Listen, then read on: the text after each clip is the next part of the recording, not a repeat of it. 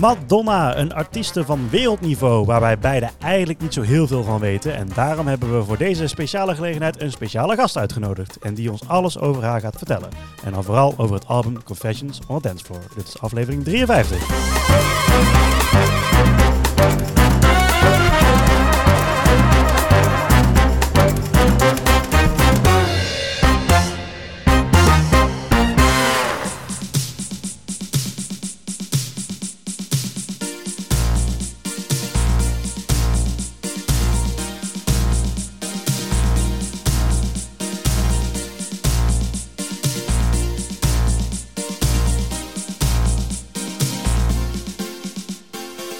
Welkom terug bij Muziek uit de Groef. Mijn naam is Quinn en tegenover mij zit... Maarten nog steeds. Ja, Maar we hebben dit keer iemand extra erbij zitten. Ja, ja, niet tegenover mij, maar wel aanwezig vandaag in deze podcast. En ook verantwoordelijk voor de remix die je nu op de achtergrond hoort. Dat is niemand minder dan Efteling-liefhebber, 80s remixer en likkerbader Randall Matilda. Oftewel Twinklecoorts. Welkom. Hallo, hallo, hallo. Bedankt dat ik mag komen. Ja, welkom eh, Randall als allereerste gast hier eh, bij ons in de podcast. En ook nog uniek met z'n drie tegelijkertijd. Ook dat. Hey, we, hebben, we hebben het een, eh, al meer dan een jaar zonder gasten volgehouden, maar nu ontkomen we dus eigenlijk echt niet meer aan. Maar ik ben ontzettend blij dat je bij ons eh, te gast bent.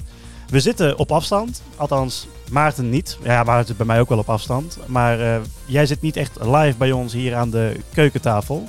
En de specifieke reden is, de specifieke reden vooral is dat eigenlijk omdat onze agenda's het steeds niet toelaten om echt op locatie af te spreken. Überhaupt, eh, überhaupt iets te doen eigenlijk. Nee, dus, dus we doen het even op eh, deze manier, maar dat maakt het zeker niet eh, minder leuk. Ik ga de muziek die je nu hoort, want dit is namelijk waar het eigenlijk overal mee begonnen is hè, voor jou toen de 80s eh, remixen. Ja, dit is eh, het begin van alles. Ja. Dat is al bijna twee jaar geleden inmiddels. Ja, april 2020 volgens mij. Want ik heb van de week nog eh, ja, goede research gedaan en daar kwam ik achter dat ja, Ruigrijk dat dat een van de eerste was. Gaan we het zo meteen nog eventjes over hebben. Maar eh, Randall, ga ik heel even de leraar uithangen. En stel jezelf even voor voor de klas. Dan zal ik de muziek even dempen. nou, hallo klas. Mijn naam is Randall Matilda. Ik ben 22 jaar. Ehm, ik sta bekend als Winkelkoorts. En ik maak al bijna twee jaar ethisch remixen van onder andere pretparkmuziek. En soms nog wat andere dingen. Ja, is is eh, degene waar we net naar hebben geluisterd, Ruigrijk, ook echt de eerste geweest die je hebt gemaakt? Of is dat alleen de eerste die jij online hebt gezet? Dus de eerste die ik heb gemaakt. Oké. het is een stuk van Maarten Hartveld, hè? Ja, dat klopt. genaamd Ruigrijk dus. Een stuk wat dus al eh, jarenlang heeft gedraaid in het park. Maar een paar jaar geleden verdween bijna alle muziek van Hartveld in het park. En ik begreep dat jij het daar ook niet helemaal mee eens eh, bent met wat daarmee is eh, gebeurd onder de hashtag Har eh, Deserved Better. Ja, dat klopt inderdaad. Nee, ik, ik vond de muziek ook veel beter bij park passen. En om het toch nog een beetje een plekje te geven en het een beetje te kunnen eren, heb ik er mijn eigen draai aan gegeven. Door het allemaal om te toveren in een soort synthpop nummer.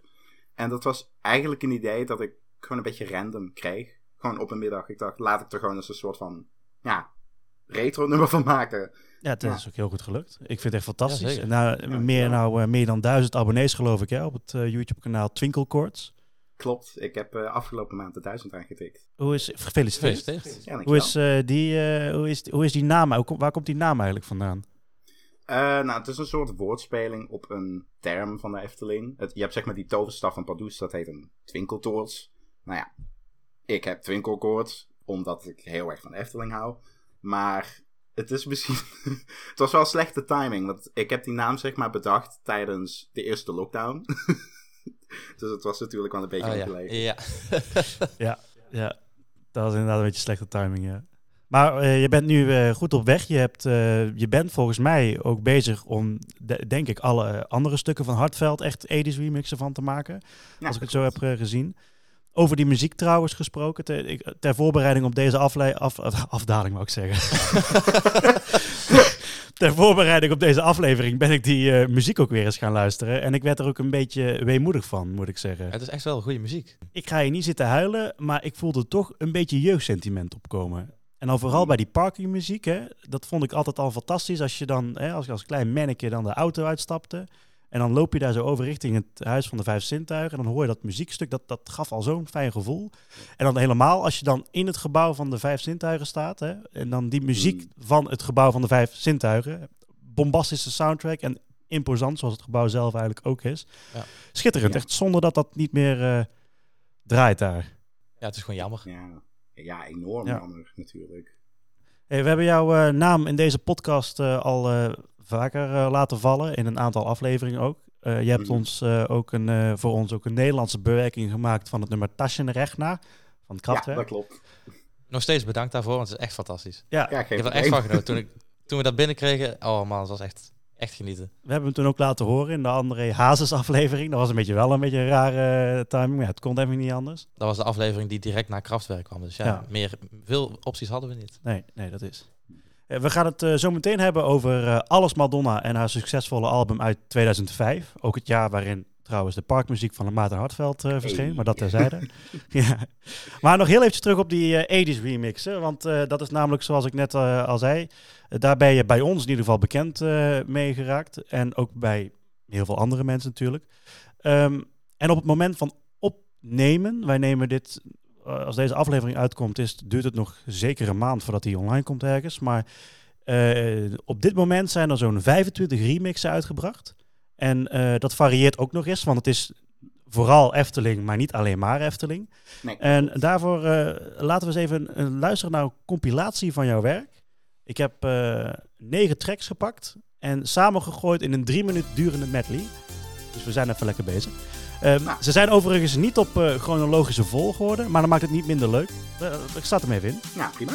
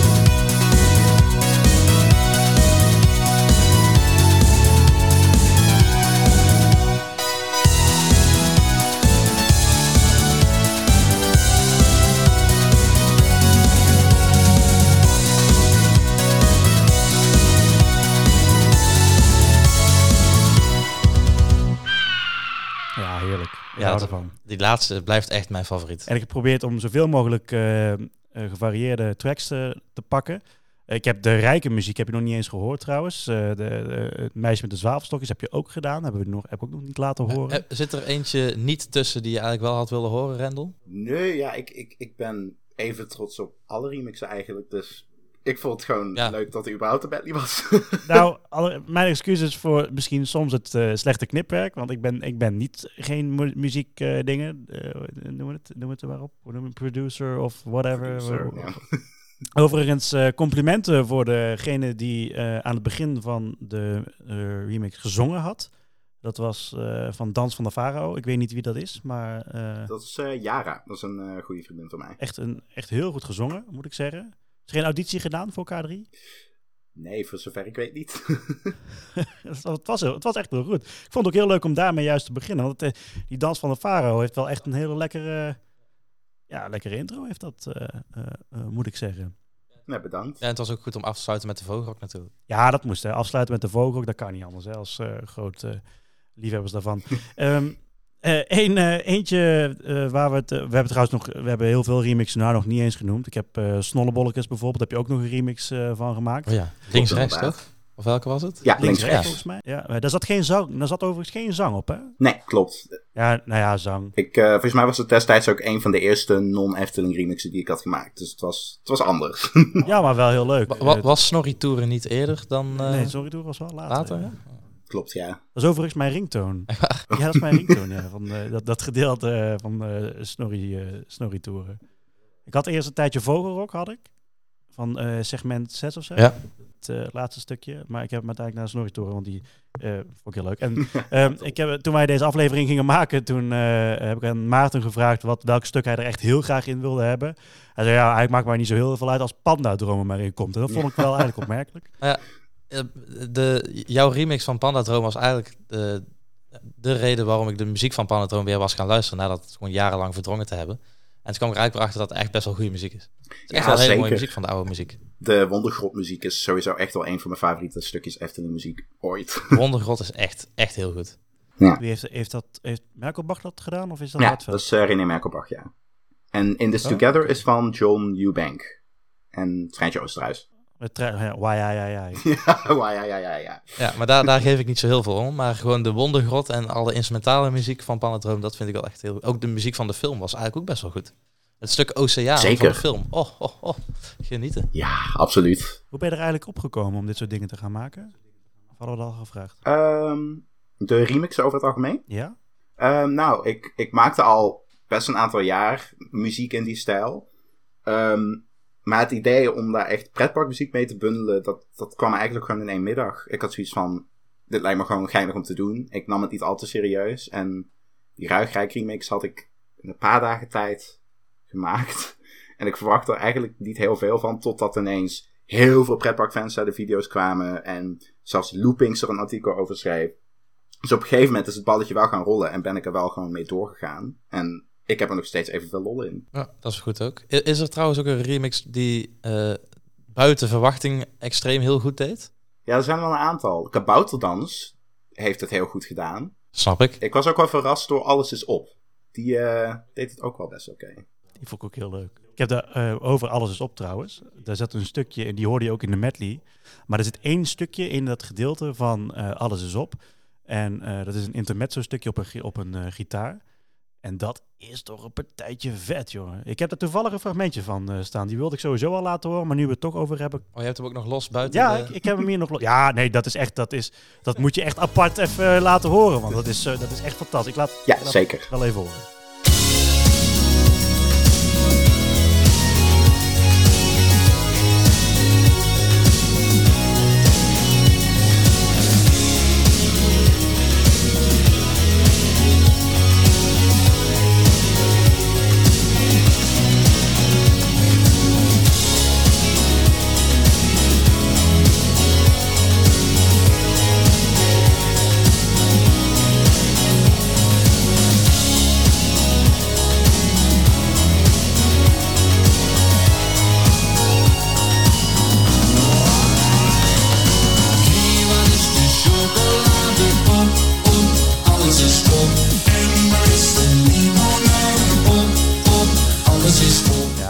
Fantastisch. Echt waar. Dit vind ik zo lekker. Deze gitaar is ingespeeld door een goede vriend van mij genaamd Jeremy. Die heet op Twitter Trial by Stone. Ja.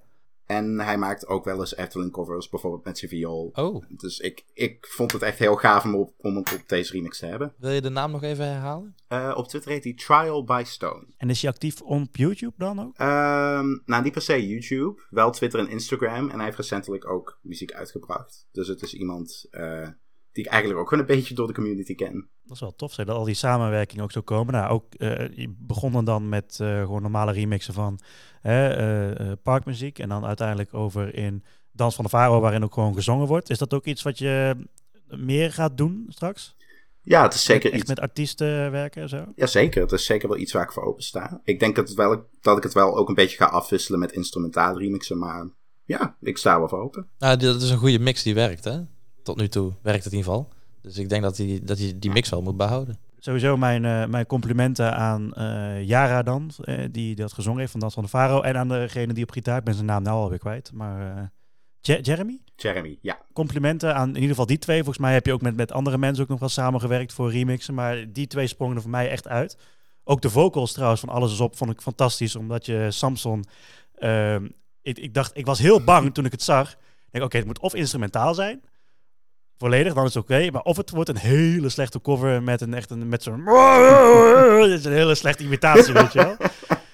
Dat viel, dat viel echt mee, want het was echt geniaal opgelost door...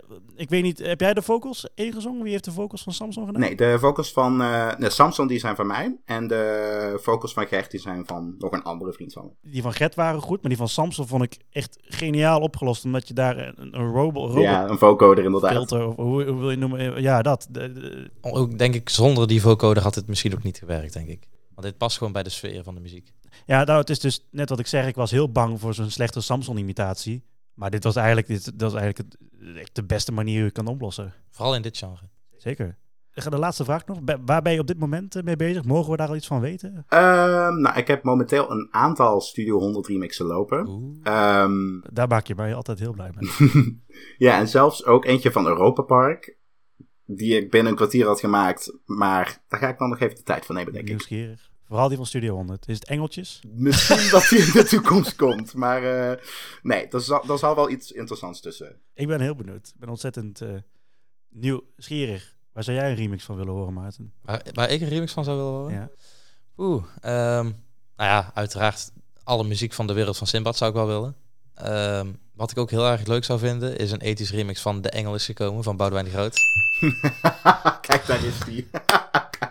Ik ben een simpele man. Eh, ja, ja, jij hoort Boudewijn de Grote en het is oké. Ja, Ja, precies. Oké, maar dan gaan we dat eh, gaat, gaat, gaat niet gebeuren. Dus helaas. Eh, nogmaals, eh, ehm, eh, bekijk het op YouTube onder de naam Twinkelkoorts. Daar kun je het zien en horen vooral. ja en met het albumonderwerp wat Rendel heeft uitgekozen, blijven we een beetje in dezelfde dance-achtige sfeer. Ja, want we gaan eigenlijk, we gaan dus naar, nou het staat al in de titel, we gaan het vandaag ook hebben over Madonna.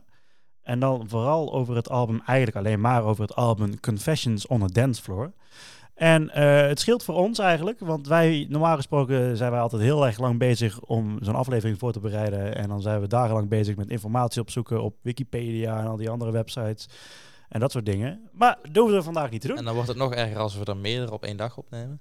Ja, dan wordt het dan helemaal eh, eh, zwaar inderdaad. Maar dat hoeft vandaag allemaal niet. Want eh Randall gaat ons alles vertellen vandaag over eh, Madonna en eh, Confessions on a Dance Floor. Dus ik eh, ben heel benieuwd eh, ja, hoe het gaat lopen, wat er gaat komen. Dus eh, ik zeggen, brand los. Wij zijn nieuwsgierig, we hangen aan je lippen. Nou, prima. Eh, Confessions on the Dance Floor is een album dat is uitgebracht in 2005. Het is onder andere, onder andere geproduceerd door Stuart Price, die ook verantwoordelijk is voor een ander album dat jullie hebben behandeld, Future Nostalgia van Dua Lipa. Hey, Kijk. kijk. En ook door een andere Franse producer genaamd Mawaz, die ook in het verleden nog albums van Madonna heeft geproduceerd. Het is vooral een disco-album. Het is heel erg geïnspireerd door de disco-muziek van de laat jaren 70 en begin jaren 80. Maar er is een heel tijdloos sausje overheen gegooid. Het had zelfs tegenwoordig gewoon uit kunnen komen. En eh, ik eh, neem jullie mee door alle nummers. Nou, Hang Up is uitgekomen in maart 2005. Het was een beetje haar comeback single, want daarvoor had ze een heel politiek album uitgebracht dat totaal niet goed is geland. Dus met Hang Up ging ze toch weer terug naar de basis en maakte ze toch meer een, ja, een dansplaat. Ehm, en Hang Up is die plaat. Ehm, eigenlijk hoor je al direct aan het intro dat er best wel een eh, inspiratie in zit. Dat is nog zacht uitgedrukt. Dus een under- understatement. Ja.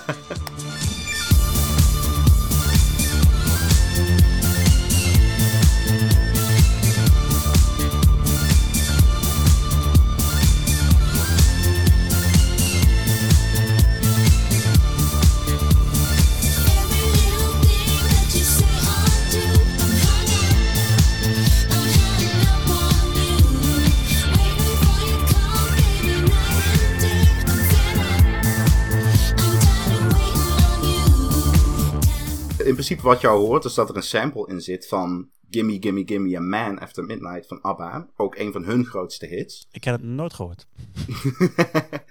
Tot nu toe ook een van haar allergrootste hits geweest. En ook de videoclip is vrij iconisch, want daarin heeft ze een soort van, ja, hoe leg je het uit? Roze disco pakje aan, is een beetje jumpsuit-achtig. Maar het ding is dus, de clip werd opgenomen in oktober 2005. Maar een paar weken daarvoor had ze een best wel heftig paardrijongeluk, waarbij ze acht botten brak. Oh, hallo. Ehm, dus zij heeft, ze heeft in principe die hele clip gewoon in, met superveel pijn gedaan. En daar merk je eigenlijk helemaal niks van. Ik moet zeggen dat je, als je het niet had gezegd, had ik het niet geweten. Eh, Kijkend naar de videoclip bedoel je dan, hè? Kijken naar de videoclip inderdaad. Ja, ja, ja. Over dat sampletje trouwens. Heeft zij daar, heeft zij daar, volgens mij heeft zij toch nooit toestemming echt voor gevraagd aan ABBA.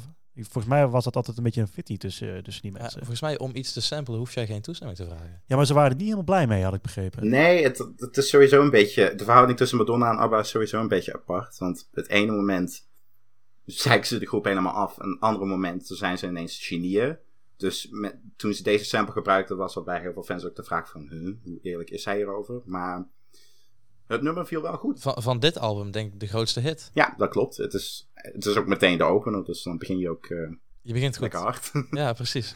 Ja, het is altijd, dit, tegenwoordig is dit nummer altijd een beetje een, eh, ja, een strijd, zeg maar, een tweestrijd. Hè? De ene kent het dus echt, dat sampletje echt van, van, van Madonna. En de andere kent het echt alleen maar van ABBA. Ik moet zeggen, ik ken het echt alleen maar van ABBA. Het is allebei, dus eh, jammer. Ja, maar ik ben niet... Nee, nee, maakt niet uit. Zullen we luisteren naar het sampletje van eh ABBA?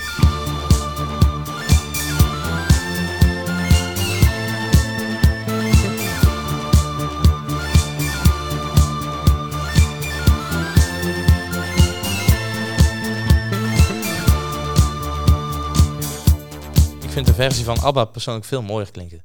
Ja, het is het origineel, hè? ja, het klinkt wat rauwer, toch? Ja, Het, klinkt ja, wat heler ook. Het klinkt voller, het geluid. Ja, maar ja, dat is in 2005 is de versie van Madonna. Dus die heeft er natuurlijk alweer allemaal van die computerrotzooi eroverheen gegooid. Hè? Dus eh, niet te vergeten dat het... eh, En een drumbeat. Ja. ja, niet te vergeten dat eh, ten tijde dat dit uitkwam, ten tijde van ABBA... Dat is natuurlijk gewoon met echte, echte instrumenten ingespeeld natuurlijk. Hè? Daar kwam weinig computer bij kijken toen. Hè? Dat was nog niet zoveel. eh, Nog niet zoveel. nee. niet zoveel. De, de synthesizer waren natuurlijk wel een opkomst. Of ja, die waren er eigenlijk al wel flink van. Daar hebben ze toen in dat album eh Voulez-vous. eh, daar, is, daar, is daar komt, stond het origineel op. Dat is trouwens ook niet helemaal waar. Maar daarover moet je luisteren naar aflevering 17 of zo. Over ABBA met Voulez-vous. Maar ehm, die synthesizers waren er wel. Maar dit, dit, dit is veel meer met instrumenten ingespeeld dan... Want Madonna die heeft gewoon echt alleen die eerste paar seconden eruit gepakt. En die heeft daar weer computerrotzooi er tegenaan gegooid. Ja, en gewoon geloopt en eh zoek het uit. Ja, vind ik niet zo. En een nieuwe tekst eroverheen geschreven. Ja, vind ik niet zo, niet zo origineel. Ja. Maar het is wel, ja, het is een, een grote, een grote banger geworden. eh. Kun je ons wat meer vertellen over de tekst, Rendel? Eh, nou, de tekst is vrij simpel in opzet. Het heeft te maken met gewoon wachten op je lover bij de telefoon en gewoon in de avond. En uiteindelijk komt hij gewoon niet. Ja, en daarom Time Goes By So Slowly. Ja, dat is dan vinden wel leuk, hè? Dat eh, getik van, eh, van, de, van de klokken die je hoort op de achtergrond bij eh Hung Up, die vind ik dan wel, eh, wel passen. Dat is een beetje hetzelfde, een beetje dat sfeertje hè, dat, dat Ja. het creëert. In die zin, waar de tekst over gaat, past het ook heel goed eh, om eh, A Man After Midnight te samplen van ABBA hiervoor. Qua thema past goed bij elkaar. Overigens nog één heel klein feitje over de tekst. De, een deel van de tekst is overgenomen van een oude demo die ze heeft gedaan in de jaren 90, samen met Prince, van alle mensen. Oh. Oké. Eh, en dat heeft ze een beetje verweven in het nummer. Dat is, dat is voor de die- diehards destijds wel een leuke throwback. Is die demo ook ooit uitgebracht, die, eh, waar, waar de stukje tekst uit, uitkomt? Ik meen dat hij op het album Erotica zou staan, maar nee, het is een outtake geworden helaas. Ah, oké, jammer. Ik was wel benieuwd hoe dat dan zou klinken, maar dat... eh, Het is in ieder geval een album met Heel veel samples van eh, andere nummers natuurlijk. Ah, het valt nog wel mee. Nou, dat valt niet mee hoor. Het zijn er wel veel hoor. Er kunnen er meer zijn. Ja, het zijn er toch wel veel voor één album. Ja, Ja, oké. Zijn er eh, best een aantal, ja. Dua Lipa kan er ook wat van. ja, dat is wel. Ja, nou, nou ja, nu je het daarover hebt, is dat wel zo, ja. Ja, Ja. ja dat heb je wel Future. Nostalgia is eigenlijk gewoon haar Confessions on the Dance Floor. Precies dat. Het is gewoon een beetje de modern day Conventions on the Dance Floor. Nou, dat zit hem natuurlijk in de naam, hè? Future Nostalgia. Hè? Dus de, de toekomst is, de, eh, toekomst is eh, nostalgie. Dus eigenlijk de muziek die ze maakt slaat inderdaad terug op samples uit het eh, verleden. Dus eh, we hebben natuurlijk, eh, wat was het ook alweer? Eh, dat. eh, down, down, down. Nou, de band die ik altijd Inks noem, maar het is eigenlijk In Excess. Ja, dat. Bijv- bijvoorbeeld dat. Maar er zat nog veel meer in hoor. Dus eh, volgens mij zat in het volgende nummer. Eh, zat ook een sampletje in. Ja, dat klopt. Ehm, ja, het is meer inspiratie dan een sample. Maar het volgende nummer, Future Lovers. Is dat Future Lovers op de tweede dingen? Oké. Oh, nee, nu zie ik het. Maar het tweede nummer op het album is Get Together. Ja, ik haal die twee altijd door elkaar. Nou, het volgende nummer is dan Get Together. Ook daar zit inspiratie in, maar niet van een disco-nummer van de jaren 70, maar deze keer een house-nummer van de jaren 90. De originele demo van Get Together had een compleet andere opzet, maar voor de albumversie zoals we dadelijk gaan horen, hebben ze in de akkoorden heel veel inspiratie genomen van het nummer Music Sounds Better With You van Stardust.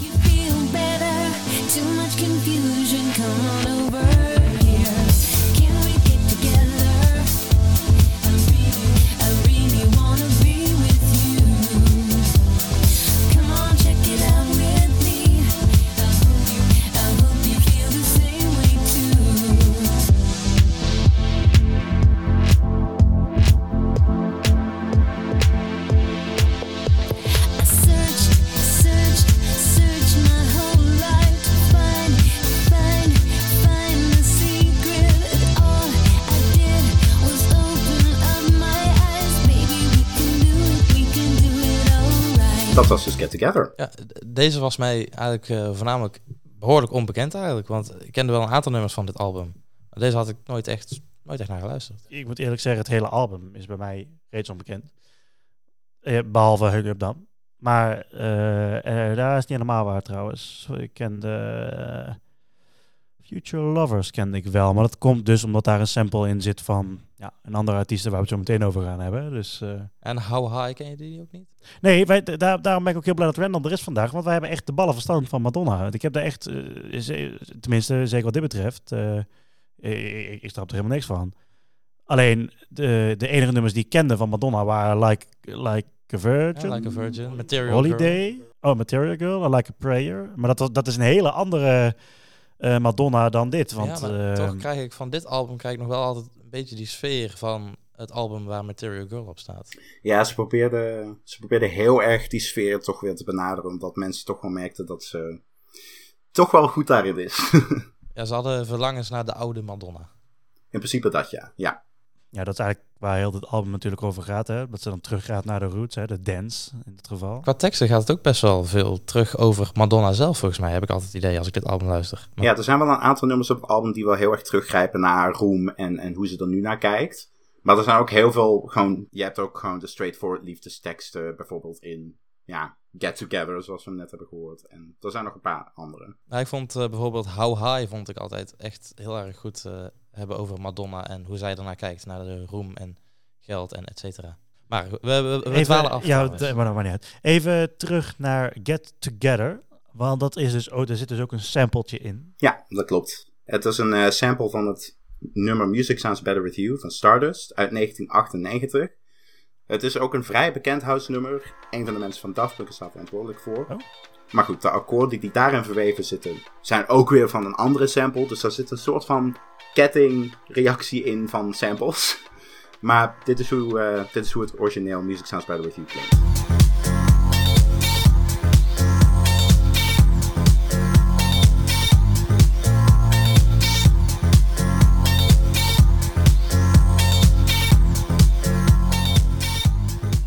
Ja, is inderdaad heel bekend.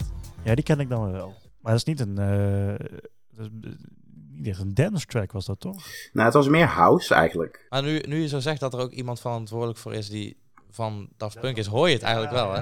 Het is wel zo, je hoort het meteen, hè? Ja, precies. Was me nooit eerder opgevallen. Heeft Daft Punk heeft dit eh, hebben zij zelf dit sampletje ook niet gebruikt voor een van de nummers of zo? Ehm, het sample zoals die in Music Sounds Better With You te horen is. Ja. Dat is van een Chaka Khan nummer genaamd Fate. En dat hebben ze ook gewoon geloopt, in principe. Dus de akkoorden van, zijn van Chaka Khan. En de akkoorden in Get Together zijn dan weer van Music Sounds Better With You. Die van Chaka Khan zijn.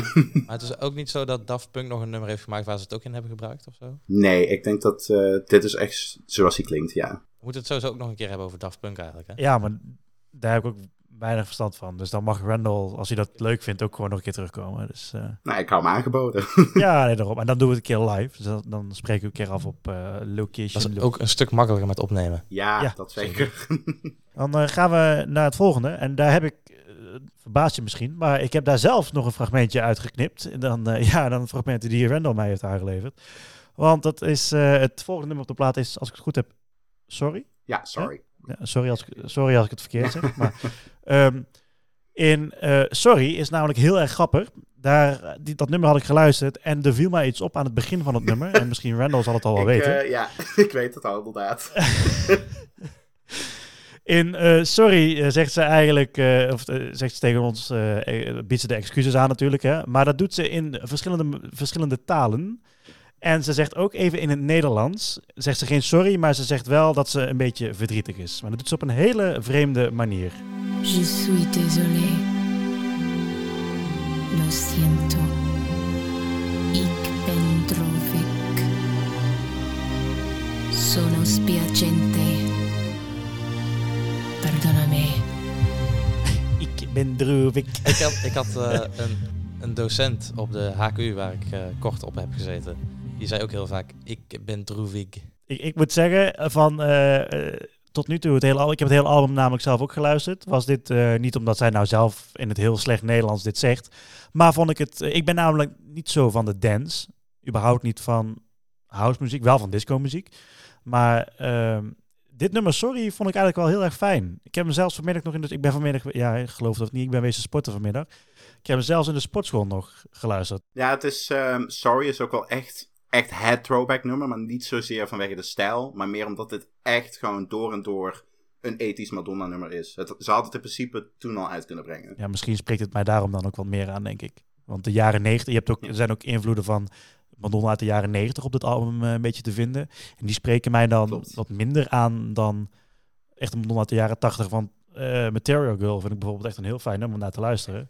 Maar dat album is ook heel erg goed. Het- het- Ik vind het heel grappig om te zien hoe zij, die, zij om, is, geslagen in haar eigen muziekstijl eigenlijk. Het is een beetje hetzelfde als eh, waar we het een tijdje geleden over hadden met de Tramps toen. Toen zei ik over de Bee Gees, zeg maar. De Bee Gees maakten heel veel muziek in de stijl van eh, de Beatles in eerste instantie. En die zijn uiteindelijk echt veel later pas echt eh, disco gaan maken. Dus die hebben ook een hele stijl omgegooid. En dat heeft Madonna over de jaren heen eigenlijk altijd een beetje gedaan. Hè? Dat is heel opvallend geweest. En daarom is dit album ook wel opvallend, omdat het eigenlijk een samenkomst is van die verschillende genres eigenlijk wel een beetje. De verschillende Madonna's. Misschien dat het daarom ook heel veel mensen aanspreekt. Dat het daarom ook zo'n gigantisch eh, succes is geworden, denk ik. Ja, precies daarom, ja. Eh, korte vraag tussendoor. Voordat, eh, heeft, het, heeft het album jou überhaupt eigenlijk eh, wat, ook wat inspiratie opgebracht voor bijvoorbeeld die remixen die je dan eh, hebt gedaan nu? Eh, ja, zeker. Ik denk ook sowieso op muzikaal vlak is het album een hele grote inspiratie geweest. Ehm, gewoon de opbouw en structuur en ook de variatie in hoe alle nummers klinken. Ja, dat, dat spreekt mij gewoon behoorlijk aan. Wat ik overigens ook heel gaaf vind dat het album is dat, ja, zo is hij niet op Spotify, maar het album zelf is eigenlijk opgebouwd als één hele lange dance mix. Dus er zitten eigenlijk geen pauzes in. Dat vind ik gewoon heel erg gaaf. Dat is ook bij eh Donna Summer. Bij eh, eh, Bad Girls, het album, is dat ook. Dat is ook bij eigenlijk alle albums van Manu Chao. Waar we het ook Ja, een dat, keer vind, over ik- moeten dat, gaan vind, dat hebben. vind ik niet leuk. Maar. Jawel, dat vind jij wel leuk. Dat moet jij leuk vinden, want er komt een keer een aflevering over. Goed, eh, terug naar Sorry. Sorry, Maarten. Maar Randall had ook nog een fragment meegenomen.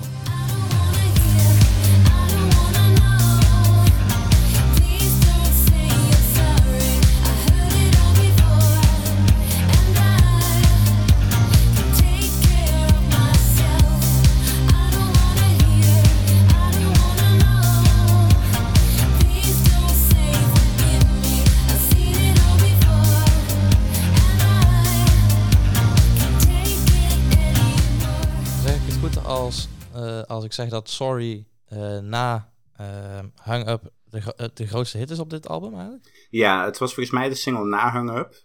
En ook in die videoclip zitten er weer heel veel verwijzingen naar de clip van Hung Up. Dus Een beetje vervolg op Hung Up. ja, precies. Ik kan me ook nog herinneren dat deze eigenlijk kort na Hung Up alweer meteen op tv te zien was. Dus ja, dus volgens mij... Ja, dat zou ik me echt niet kunnen herinneren. Toen was ik, eh, hoe oud was ik toen? 2005? Dan was ik acht. Nou, dat kan ik me niet herinneren. Ja, 2006 is die uitgebracht op single. Nou, dan dus- was ik negen, dan zou ik het nog steeds niet kunnen herinneren. Ik ook, niet. ja, was het MTV of zo, of TMF? Ja, zoiets. TMF, MTV inderdaad. Ja, ik heb dat nooit heel veel gekeken. Way dus, back. eh, ja, dat is, dat is way back, ja. Ik heb dat misschien twee keer in mijn leven gekeken, want ik op, op negenjarige leeftijd keek ik alsnog naar Samson en Gret. Dus ja. Groot gelijk. Dus ik was meer opgegroeid met de ochtendgymnastiek dan met... eh, Nee, maar ochtendgymnastiek is ook gewoon goede muziek hoor. ja, ja, ja, zeker. Ook dance. Ja. Eh, volgende nummer is niet... eh, het lijkt wel een radioprogramma zo. het is niet eh, Future Nostalgia, maar het is Future Lovers. En Ja. daar ben ik ook trouwens... dat- nou, misschien ben ik daar meer enthousiast over dan Sorry. Ja, nou, Future Lovers is ehm, wederom geïnspireerd door disco-muziek. Ehm, maar wat interessant is aan dit nummer, ehm, is dat hier ook weer een soort van sample in zit, maar ook weer niet. Ehm, nou, die gaan we dadelijk laten horen. Maar het nummer Future Lovers is in principe een nummer over gewoon je overgeven aan de liefde en aan de toekomst. En gewoon totaal niet denken aan alle serieuze dingen in het leven. En ik vind haar vocal delivery op dit nummer heel erg hypnotiserend of zo.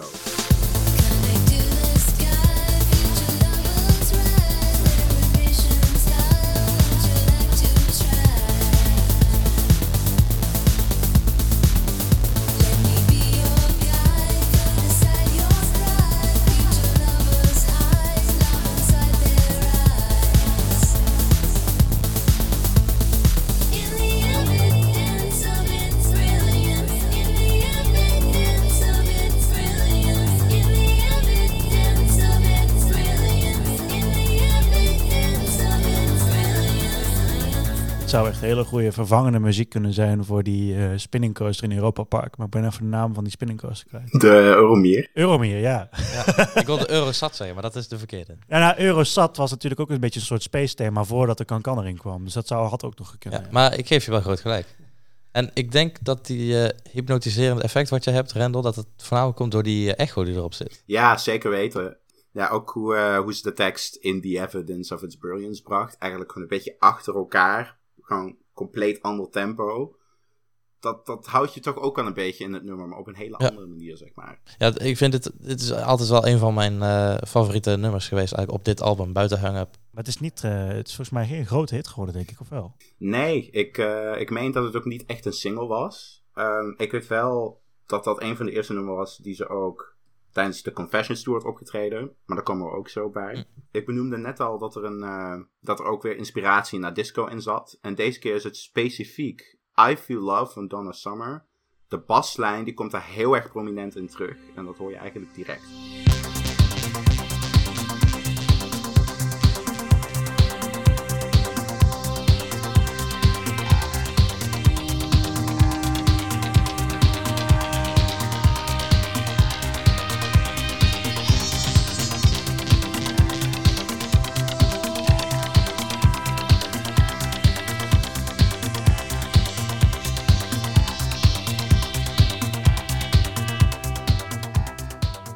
Ja, ik. Hè. Vind het net zo hypnotiserend eigenlijk. Ja, absoluut. Ik vind het gewoon, ik vind Donna Summer allereerst al fantastisch. Koningin van de disco. En dat dan ook nog gemengd met, ja, koningin van het dance eigenlijk wel. Madonna toch wel, denk ik. Hè? Nou, ook om precies die reden heeft zij tijdens de Confessions Tour, die ze voor dit album een tijd gedaan heeft, I Feel Love ook gemixt met Future Lovers en dat een beetje in elkaar verweven. En het gaat heel erg goed samen.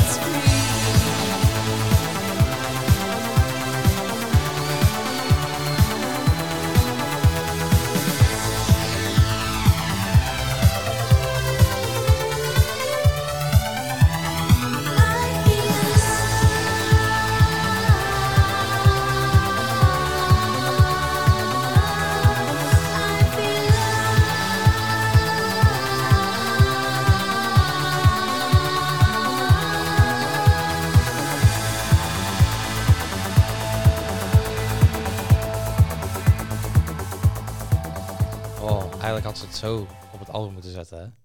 Nou, dit album staat eh, volgens mij live op eh, Spotify ook. Echt waar? Ja. Dit is me echt volledig ontschoten. Ja. Eh, wij doet het ook heel erg denken aan ehm, als je de 12-inch single koopt van Tainted Love van Soft Cell, wat een cover is van Gloria Jones. Als je die koopt, dan loopt die gelijk over in een cover van The Supremes van Where Did Love Go, ook door Soft Cell. Die gebruikt dezelfde melodie, maar er zijn dus twee verschillende nummers pff, samen gemeshed. Daar doet me dit heel erg aan denken. Dat is misschien nog net iets lekkerder, zelfs nog, maar dit is ook echt wel heel erg lekker. Sowieso, eh, de tour, dan doen ze eigenlijk hetzelfde als dat ze op het album doen. De muziek in de tour is ook opgebouwd als een lange dance mix, maar het zijn toch aparte optredens. En in de tour zitten er ook veel meer samples, maar echt directe samples van nummers uit de jaren 70 en 80. Ze doet ze halverwege ook Disco Inferno mixen met Oh. een ander liedje van een ander album. Ja, die heb ik gehoord, ja. ja als, als we jou volgen op eh, Instagram voornamelijk, dan post jij dit soort feitjes ook wel eens. Ja, dat klopt. Eh, daar kwam ik dus de Music Inferno. Volgens mij heet het zo, hè? ja, klopt. Dat is inderdaad een mix van een, een van de nummers en eh, Disco Inferno. Dat is echt fantastisch. Moet je echt een keer, een keer gaan luisteren. Dat is echt, echt, dat is echt heel goed. Staat ook op Spotify, de live versie. Ja, dat klopt. Dat ga ik zeker doen, want ik wist niet dat dit album op Spotify stond, dus nu ga ik het sowieso luisteren. Ik denk dat we door kunnen naar het volgende nummer, of niet? Voordat we daar naartoe gaan, eigenlijk moet ik ook een confession on the dance floor maken. Oh jee. Ik ben nog nooit in New York geweest, dus ik heb... eh, Ja, ik toch ook niet. Ik ook niet. Oh, oh, jullie ook niet. Oh, oh oké, nee, dan, dan, oké, dan ben ik niet de enige. Wat maakt dat nou uit? ja, nee, ik dacht misschien dat we het over New York gaan hebben, bla bla bla. Nee, je kent toch een beetje de highlights van de vorige keer werd ik gelyncht toen ik zei dat ik nooit in eh, Parijs ben geweest. Ja, dat, dat snap ik ook niet. Dat je nooit in Disneyland Parijs bent. Ja, Parijs oké, maar in Disneyland? Ja, sorry. Ehm, het eh, nummer I Love New York is een, een ode aan haar hometown en waar ze is opgegroeid. Ehm, wat heel grappig is aan dit nummer is dat het wel echt weer een dance nummer is. Maar het is geen disco. Er zitten rock elementen in en heel veel gitaren. Wat het toch wel een beetje een buitenbeentje maakt van het hele album. Ehm, en de tekst. Ik vind het niet de sterkste tekst op het album. Maar puur omdat het nummer zo rock is, vind ik het er wel bij passen.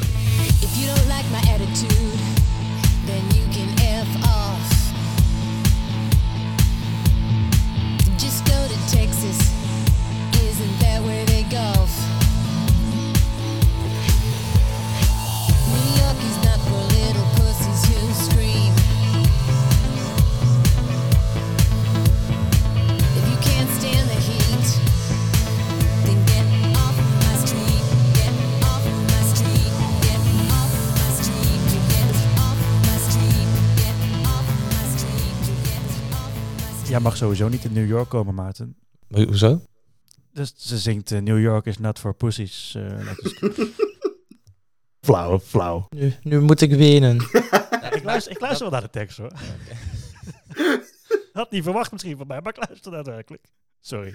Ja, dus dat eigenlijk. Het is eh, een vrij agressief nummer. En zo brengt ze hem ook tijdens de tour. Het is, eh, het is een nummer met pit, zeg maar. Maar I Love, I Love New York is dat ook echt een beetje een, een nummer daar, waarin ze eigenlijk zegt van... oh, de stad is echt wel van mij of zo. Dus als je hier komt, dan, dan, dan moet je je wel een beetje aanpassen of zo. Ja, daar komt het wel op neer. Het is van, eh, het is mijn stad, rot en op, eh, de rest van de wereld is kloten. daar komt het op neer, denk ik. Wat je net hoorde was het tweede couplet. Dit is het refrein, dus weer heel anders.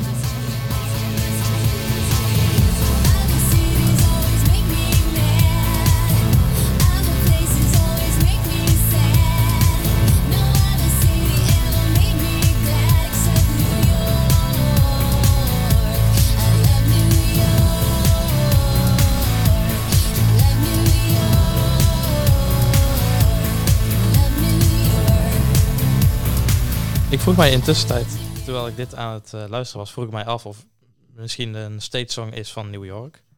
Ehm, In welke staat ligt New York? New York. Ja. Oh ja, dat is... Jezus. hey, Lordy, heeft je meegedaan met het Songfestival of niet? nou, ik ben droevig.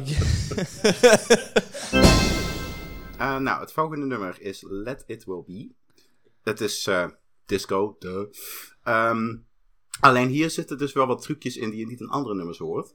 Eh, hier worden een beetje strijkers in de mix gegooid, à la ABBA slash Papa Don't Preach, ook een nummer van Madonna. Dus eh, ja, daar hebben we ook een fragmentje van. Dit is het eerste couplet en het refrein.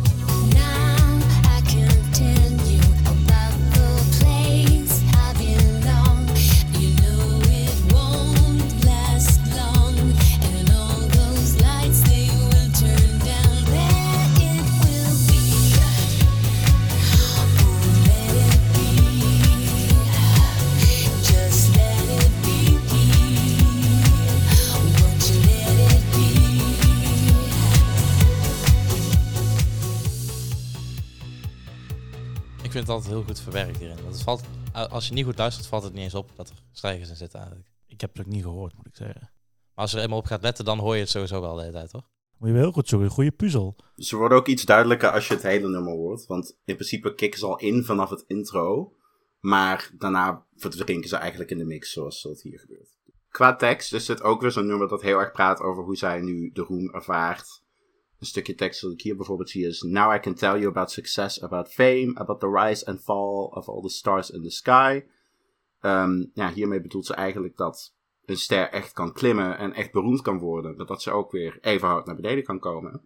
En ze kijkt er een beetje met een blik tegenaan. Zo van, eh, ja, wil ik dit nog?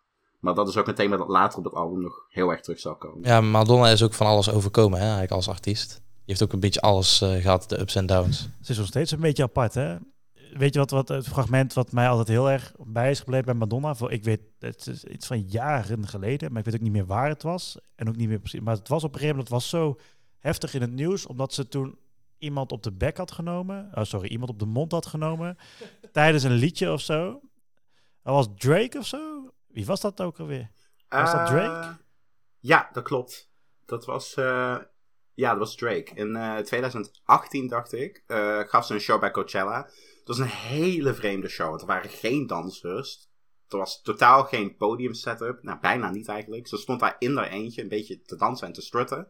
Maar op een gegeven moment ging eh, Drake het podium op en ging ze op een stoel zitten. En Madonna dat, ja. gaf hem een lapdance. En vervolgens ging ze ook zoenen. Het was heel naar. Wat, is dat niet een beetje seksueel grensoverschrijdend gedrag dan? Als je het zou omkeren, ja, misschien, misschien wel. In de ja, huidige omstandigheden, à la The Voice. Zeker. Maar ik kan me herinneren dat het toen heel heftig was. Eh, volgende nummer, denk ik, hè? Ja, het eh, volgende nummer, dat is Forbidden Love. Ehm, klein feitje, eh, Forbidden Love is een nummer dat zij ook eerder heeft gedaan. Maar het is niet hetzelfde nummer. Op haar eh, album Bedtime Story staat er ook een nummer genaamd Forbidden Love. Maar dat is een R&B nummer. Dat is dit niet. Dit nummer is een beetje...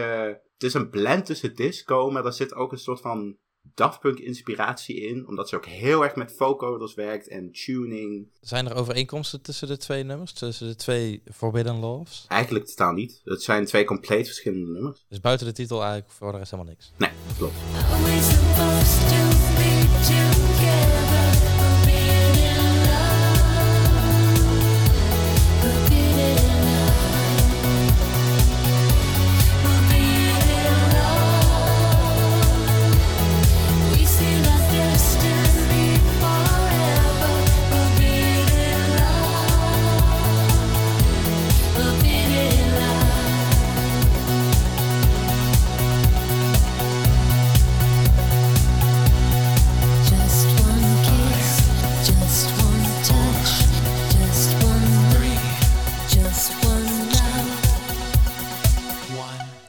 Lijkt een beetje alsof ze het sampletje van eh, Popcorn heeft gebruikt. Hoor je dat nummer van tu tu tu tu tu tu Ja. tu? Van eh, Harold Faltermeijer.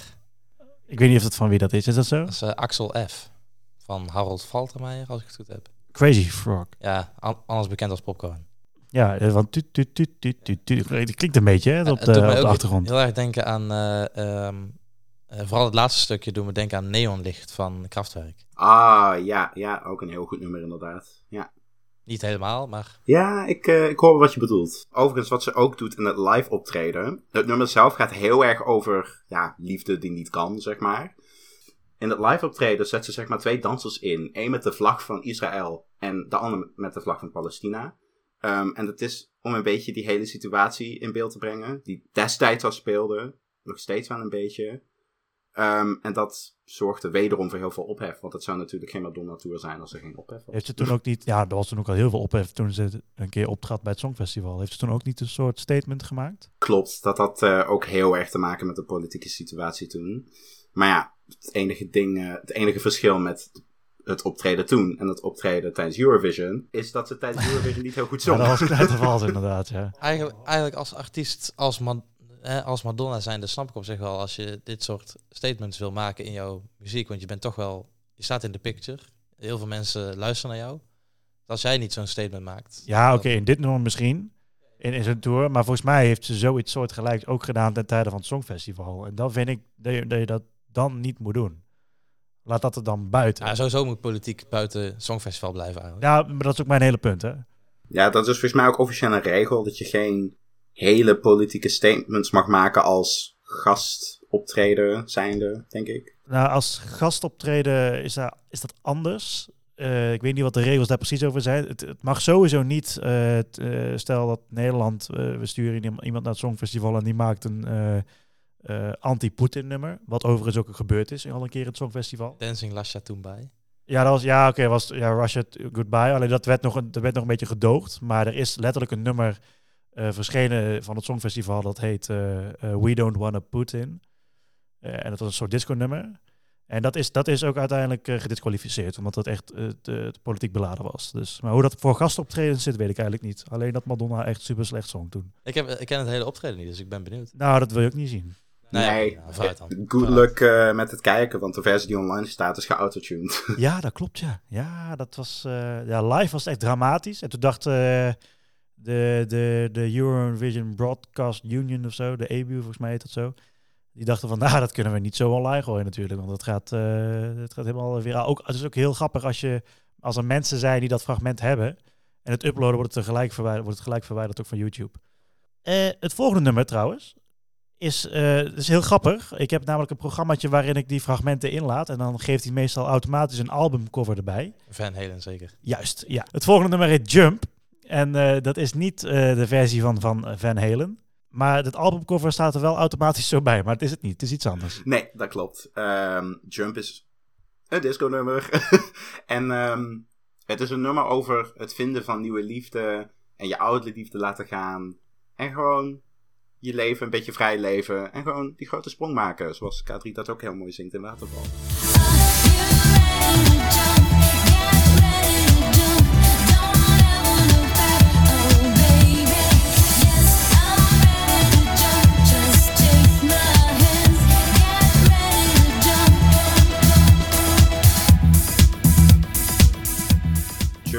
Eh, is volgens mij de laatste single van het album, dacht ik. Of in ieder geval een van de laatste. Het was sowieso de laatste videoclip van de albumcyclus. En in die videoclip had ze een hele blonde ja, bobpruik eigenlijk. En was het ook deels opgenomen in Japan. Want volgens mij was ze toen bezig met haar laatste shows van de Confessions Tour. Die waren in Japan. En het was een nummer dat mij ook heel erg raakte toen ik hem hoorde als kind. Omdat ik sowieso het refrein echt best wel een, eh een bangerke vond. Ja, het is sowieso een van mijn favoriete nummers op het album. Omdat het voor mij ook wel een betekenis heeft. De tekst eh, komt erop in, ja. Ja, is dat zo? En waar kun je dat specifieker uitleggen? Ehm, nou, het is, een, het is een tekst over gewoon een nieuw begin. En gewoon een beetje een nieuw leven inslaan. En ja, daar gewoon heel erg je kracht uit halen. En dat vind ik gewoon heel tof aan dit nummer. Oké. We gaan eh, naar eh, How High. Ja, ook, eh, ook How High is weer een nummer. Waarin ze praat over haar, ja, haar roem. En hoe ze er nu naar kijkt. Het is overigens ook niet de eerste keer dat ze hierover schrijft op dit album. Het vorige album, American Life, ging over precies hetzelfde. Maar daar ging ze meer in op, zeg maar, Hollywood als geheel, als geheel en hoe corrupt dat was. Maar How High vat het eigenlijk wel heel goed samen.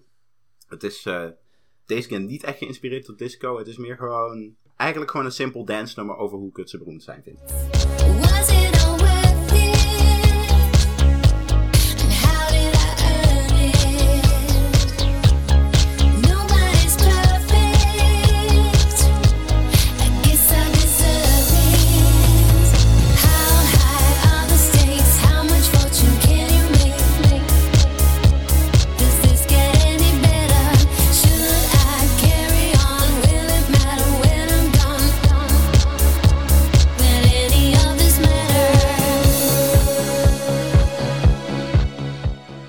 Ik overigens ook nog wil vermelden over de tekst. Ehm je hoorde net al de pre-chorus. Eh, was it all worth it and how did I earn it? Nobody's perfect, I guess I deserve it.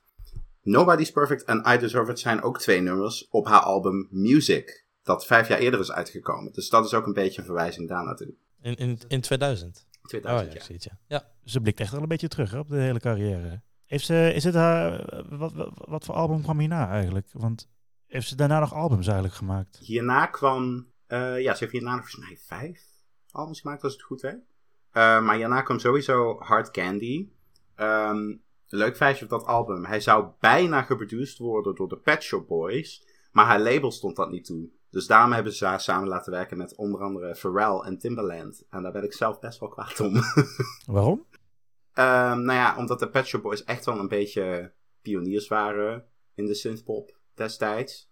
En zij hadden ook heel veel kunnen betekenen voor Madonna. Want zij had echt een compleet authentieke weg in kunnen slaan. En echt dat disco, die disco sound vast kunnen houden. Maar met Pharrell en Timbaland op dat album ging ze weer een hele ja, commerciële R&B rap pop route op. En dat, ja, ik vind dat minder dan dit album, laat ik het zo zeggen. Maar is, dat, is dit album Confessions on a Dance Floor, is dat ook niet een beetje een groot commercieel ehm, gezien succes? Eh, sowieso een succes, maar ook echt wel eh, gebaseerd op, op, op commercieel iets. Het feit dat ze natuurlijk eh sampletjes heeft gebruikt van onder andere eh, ABBA, Donna Summer en dat soort dingen. Ehm, volgens mij was er ook een nummer, maar dan weet ik niet meer zeker, wat een sampletje gebruikte van de Jackson 5.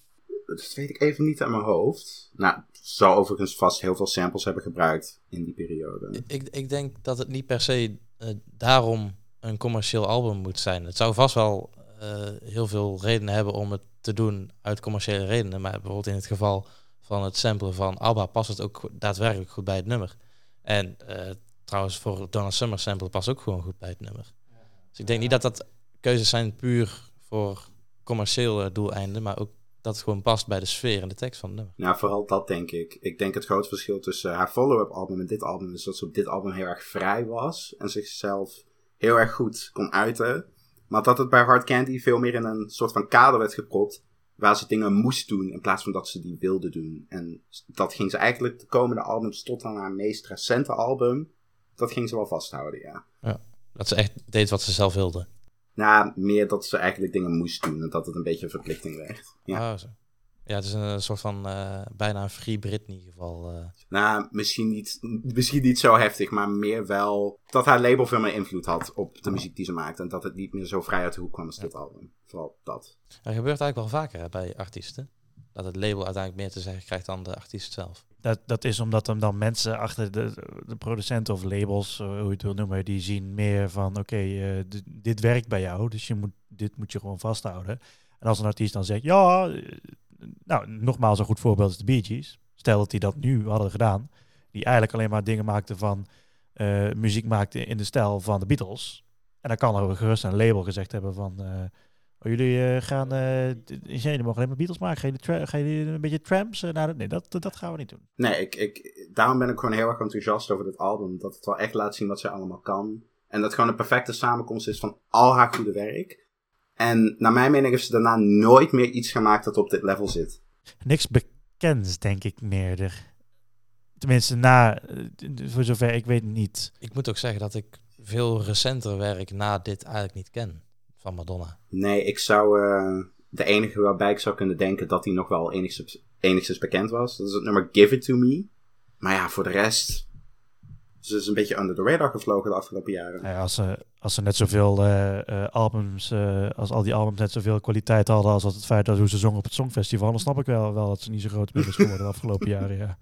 Ja, nee, ja, het zijn, het zijn vooral de, de, de grote hits, hè, zoals Material Girl, Like a Prayer, die, die, die, die toch wat meer bekend zijn. Dat zijn tijdloze klassiekers geworden. Ja, dat zijn echt tijdloze klassiekers geworden, ja. Nou ja, nee, zeker. Ehm, nou ja, goed. Het volgende nummer is Isaac. Dit is ook weer een heel ander soort nummer. Eh, hier zitten namelijk heel veel invloeden in van, even kijken, ja, vooral religische invloeden.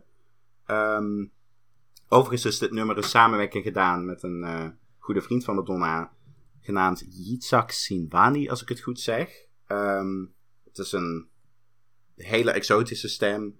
Ehm, en het nummer zelf, het, het lijkt heel erg iets weg te hebben van haar, ja, haar spirituele werk dat ze op Ray of Light had gedaan.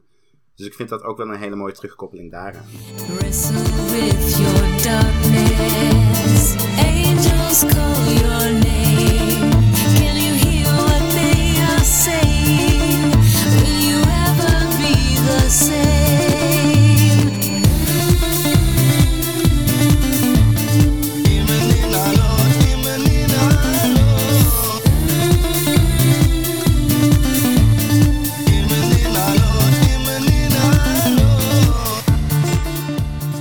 Totaal anders dan alles wat we net hebben gehoord, hè?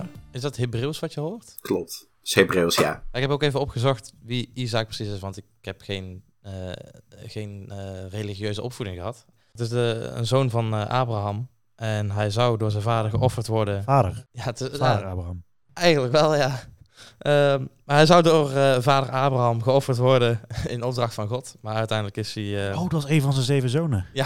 Ja, nou precies, ja. Ja, nee, ja, Dat is serieus. ja dit, dit- dit- ik zeg het ook serieus. Ja, nou, maar eh, ja, omdat dat vader Abraham. Dan. Ja, oké. Maar ja, hij is uiteindelijk, voordat hij geofferd kon worden, was hij eh, gered door een engel. Het, eh, het nummer zelf heeft zeker re- religieuze invloeden. Maar heel veel eh, re- religieuze groepen waren boos omdat ze dachten dat het nummer misschien ja, godslastering zou zijn. Terwijl het nummer zelf eigenlijk is vernoemd naar de, de zanger op het nummer, eh Itzhak Simani. Tijdens het live optreden zit, eh, zit de zanger ook naast Madonna om dit, eh, dit nummer te brengen. Dus het is vooral meer een ode aan hem. En het nummer zelf heeft ook gewoon heel veel sounds die eigenlijk nergens anders op het album terug te horen zijn. En het is voor mij sowieso al vanaf de eerste listen wel echt een standout track geweest. En het is ook wel echt een van mijn favorieten. Ja, omdat het een eh, variatie is op de rest van het album, denk ik ook. Ze gebruiken, ze gebruiken weer hele andere instrumenten die je, dan, die je bijvoorbeeld hebt gehoord bij eh een Future Lovers of I Love New York, weet je wel. Het is, het is een hele andere stijl. Ik Eh, heb hier een eh, Engelse vertaling gevonden van de Hebreeuwse tekst. En dat eh, zou moeten zijn... If doors of generous men are locked, doors of heaven. En dan later, if they are locked, if they are locked. Herhaling elke keer eigenlijk. Ja, precies. Het volgende nummer is Push. Weer een hele andere sound. Het is wat langzamer, dus dit is waar het tempo flink omlaag gaat op het album. Het lijkt ook weer een beetje R&B-invloeden te hebben, wat het ook weer heel anders maakt. En de tekst gaat gewoon over, ja... Je gewoon een beetje onderdrukt voelen door een relatie, maar je er toch aan willen overgeven, ondanks dat. Dus eh, ja, dat is Push.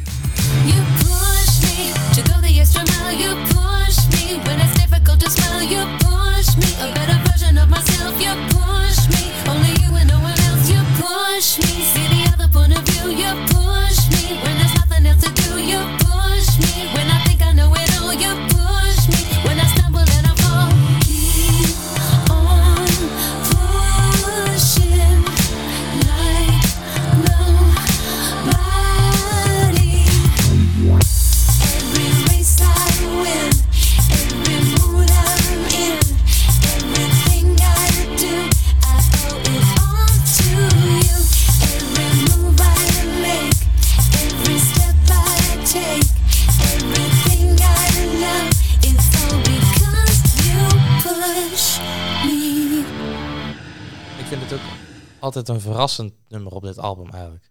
Eh, dit is een van die weinige nummers ook die ik eh, wel wel vaker heb gehoord op dit album. Nu ik hem eigenlijk na, na Isaac hoor, wat ik eigenlijk nooit echt naar had geluisterd, past eigenlijk ook wel goed na elkaar in de sfeer van het album. Het, is wel goed dat ze die na elkaar hebben gezet, op ieder geval op Spotify. Ik weet dat er voorheen ook een volledige continuous versie van het album op Spotify stond. Maar ik heb die laatst proberen op te zoeken. En die vond ik eigenlijk totaal niet terug. Wat ik wel jammer vind. Want het is wel de ultieme manier om echt het album ehm, te luisteren, vind ik. Dat is zonde inderdaad. Ik vind hier eh, de, de, de baslijn met die echo erop. Die boom, die, oh heerlijk vind ik dat. Het doet me ook een beetje denken aan ehm, ehm, Every step you take, every eh, move you make, I'll be watching you. Ja, precies. Ja. Ik eh, zie hier inderdaad ook staan dat ze wel elementen heeft gebruikt van Every Breath You Take van de police. Dus daar moet zeker wel inspiratie achter zitten. Dus eh, dat. Het is, het is niet mijn favoriet op het album, maar hij is prima om te luisteren. Ik denk dat het wel een goed nummer is om het tempo een beetje omlaag te halen. Ja. Ik, ik vind het zeker niet het slechtste nummer op het dat album vind je dan wel. Want eh, de- Ja, ik weet niet wat ik het slechtste nummer of het minst goede nummer op dit album vind. Maar ik vind Push eigenlijk wel prettig om naar te luisteren. Eh, dan blijft er nog één nummer over. Of je het nou leuk vindt of niet. Nou, like it or not. En dat is eh, gewoon een beetje haar. Ja. Het boeit me niet dat andere mensen zeggen: ik ben wie ik ben. Ik laat me door niemand beïnvloeden. Dat is ook wel een leuke sentiment. ik doe eh, wat ik doe. Ja, zo'n leuke sentiment om het album mee af te sluiten. hij zit weer allemaal weer Leonard Nijg referenties te maken. Dus eh, Laten we snel gaan luisteren.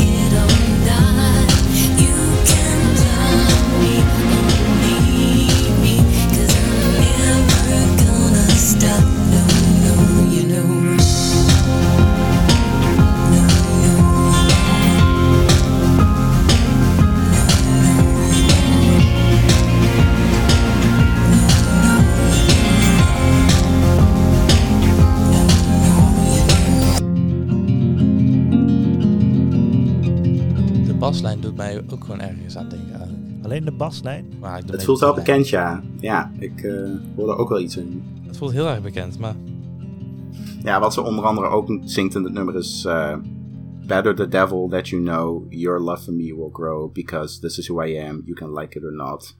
En het is, ja, vooral een beetje een shot naar, ja, de radio en de pers en de mensen die ondanks alle rare dingen die zij doet, alsnog gewoon haar helemaal de hemel in gaan prijzen als ze toch gewoon weer in de public eye is. Nou, het is nog een beetje een laatste steek onder water, denk ik. Naar de, naar de buitenwereld. Ja, het, niet naar haar fans, maar wel dus naar al die mensen die allemaal een mening over haar hebben. Ja, ik, ik, ik vind het een interessant nummer om het allemaal mee af te sluiten. Want je zou denken dat het constant de in de dancefeer blijft. Maar nu gaat ze ineens gewoon... Ja, ik, ik, ik vind het ook wel passen, want je hebt het hele album, eh, wat is het, negen nummers lang, heb je helemaal eh, kapot lopen dansen. En dan heb je Ja, Isaac, dan heb je eh, Push en dan krijg je Like It or Not. Heb je in ieder geval nog drie nummers om even bij te komen. In ieder geval een goede afsluiter van het album. Ja. Ja, sowieso een, eh in stijl ook een heel groot contrast vanwege de gitaren. En überhaupt het ritme van het nummer. Want het, het voelt een beetje aan als... Ja, ik weet niet. Een beetje Horse with No Name-achtig. Ik denk zoiets. Ja, ik weet ook niet waar we het aan doen denken eigenlijk. Ik kan het niet plaatsen. Ik ook niet. Maar dat maakt ook niet uit. Nee, soms, soms mag het een mysterie blijven. Whether you like it or not. I like it. Ja, dan zijn we er volgens mij doorheen. Ik vond het wel leuk om weer eens een keer iets te... Het is ook een tijdje geleden dat we trouwens ook weer een heel album hebben Dat is besproken. altijd al even geleden. Sowieso een heel album van A tot Z. Want alles wat je vandaag hebt gehoord in de aflevering... eh, wij, wij laten af en toe nog wel eens een keer een nummer liggen. Maar we hebben vandaag echt, echt alles wat op dit album staat, hebben we besproken. Dus dat is eh, uniek voor deze podcast. Wel leuk, Ja, ik dat is de eerste keer eigenlijk, hè? Voor zover ik weet wel, ja. Ja. Ja, ja dankjewel allereerst. ja, geen probleem. Bedankt dat je, ons, eh, dat je dit eh, hebt meegedeeld met ons. In ieder geval ook met onze luisteraars ook. Even bij wilde praten over Madonna Confessions on the Dance Floor. Ja, het is, een, eh, het is een album dat mij echt heel erg heeft geïnspireerd. En waar ik nog steeds heel veel inspiratie uit haal. Ook in mijn eigen muziek. Dat begrijp ik ook wel. Sowieso ook, denk ik, de oudere muziek van Madonna ook wel, denk ik, of niet? Ja, 100% zeker weten. Ja. Eigenlijk wel een goede inspiratiebron, Madonna. Ik kan me voorstellen als je dit soort, als je dit soort remixes, eh, als je dit soort dingen allemaal doet, ja, dan dat, je, dat het een grote inspiratiebron is, ja. Samenhangend met Daft Punk natuurlijk, hè. En de, de Weekend tegenwoordig, hè. Dat is ook weer, eh, dat is een beetje meer van deze tijd nou, de Weekend. Ja, Daft Punk is wel echt de, de koning van de samples. ja, zeker weten. Het koningspaar dan, hè. Die hebben sampling wel echt eh, populairder gemaakt dan ooit, zeg maar. Ik denk dat dat op Confessions on the Dance Floor wel op een level is gedaan dat je zeker merkt dat de inspiratie of de sample wel is. Ja, vooral bij Hang Up dan. Ehm, maar niet dat er meteen sprake is van plagiaat. Want ze heeft, het toch, ze heeft toch haar best gedaan om daar een beetje haar eigen sausje aan te geven. En sowieso vind ik dat Stuart Price echt fenomenaal werk heeft geleverd op dit album. Ja, ik vind toch de sample bij ehm, eh, Future Lovers vind ik wel sterker en succesvoller Ja. dan bij Hang Up eigenlijk. Ik vind het een beter gebruikte sample. Ehm, dan zijn we er doorheen. En eh, normaal gesproken gaan we dan naar de aanradertjes. En daarin eh, mag je dan eh, kiezen we gewoon van dezelfde artiest een aanrader die niet op dit album staat of wel op dit album staat. Dat mag. Heb jij, jij hebt de eer om dat dus deze keer om de aflevering daarmee af te sluiten met de aanradertjes. Dus je mag kiezen of je pakt er nog eentje van Madonna, maar je mag ook, zoals wij in de Music Roundup doen, gewoon een random nummer pakken wat het eerste bij jou opkomt. Daarmee sluiten we dan de aflevering af. Doen we normaal dus nooit in een reguliere aflevering, maar voor deze keer met gasten erbij wil ik dat best doen. Dus je mag kiezen. Sluit je af met een nummer van eh, Madonna nog, een ander nummer van Madonna, of kies je iets compleet randoms. Wat wil je horen? Eh, nou, ik doe ter eh, variatie toch wel even eentje van een andere artiest. Het is eentje die ik zelf eigenlijk al de hele week op repeat heb, omdat het zo'n aanstekelijk en gewoon vet nummer is. Ik hoor het al, het is Take My engeltjes. Het is engeltjes. Ja. Engeltjes. Nee, even opnieuw. Take My Breath van The Weeknd. En is dat een recente single? Eh, nou, hij is uitgekomen in augustus 2021. Het is ook weer een single die heftig is geïnspireerd tot disco van de laat jaren 70 en begin jaren 80. Het is ook een nummer met, ja, best wel tekst. Maar goed, dat heb je al vaker in weekendnummers. Maar ik vind sowieso gewoon de productie vind ik top. Ik vind het refrein echt super hard binnenkomen.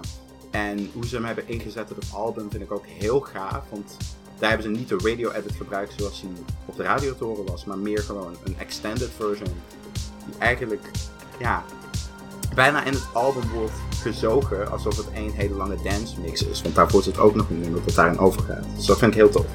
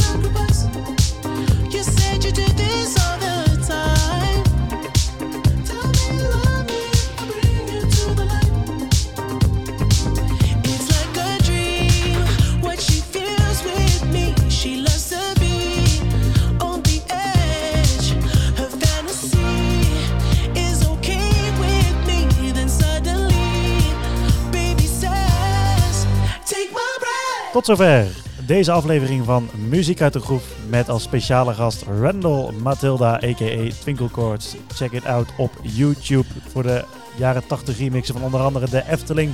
Randall, ik dank jou hartelijk voor eh, het bijdragen van deze podcast. Voor eh, Madonna natuurlijk. Ja, jullie ook bedankt. Heel veel succes nog. Ik hoop je binnenkort nog een keer een opname te maken dat we hem een keer live kunnen gaan doen. Bedankt voor het luisteren. Je kunt ons natuurlijk volgen op eh, Twitter en op Instagram. Op Twitter is dat uit de groep. En op Instagram is dat muziek uit de groep. Volg ons daar zeker ook. Daarop ben je van de, eh, op de hoogte van de laatste nieuwtjes rondom onze podcast. Dit was ook de laatste aflevering waarin ik zelf de host was. Vanaf volgende week ben ik er twee maandjes even tussenuit. En dan eh, is het geheel aan Maarten om van deze podcast een nog groter succes te maken dan wat eh, natuurlijk al is. Dankjewel, Gwen. Ik, Maarten, eh, ik wil jou natuurlijk ook bedanken. Ik wens jou heel veel succes met de, met de gasten, komende gasten. En ik zie jou zeker in mei ongeveer zie ik jou weer eh, terug. Randall, nogmaals hartelijk dank. Jullie ook bedankt. Tot de volgende keer. Doei doei. We gaan nog even luisteren en dan starten we de outro.